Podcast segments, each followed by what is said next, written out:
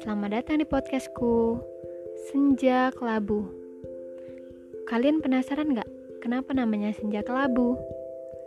Karena bagiku senja itu indah Sangat indah Tapi kenapa ada kelabunya?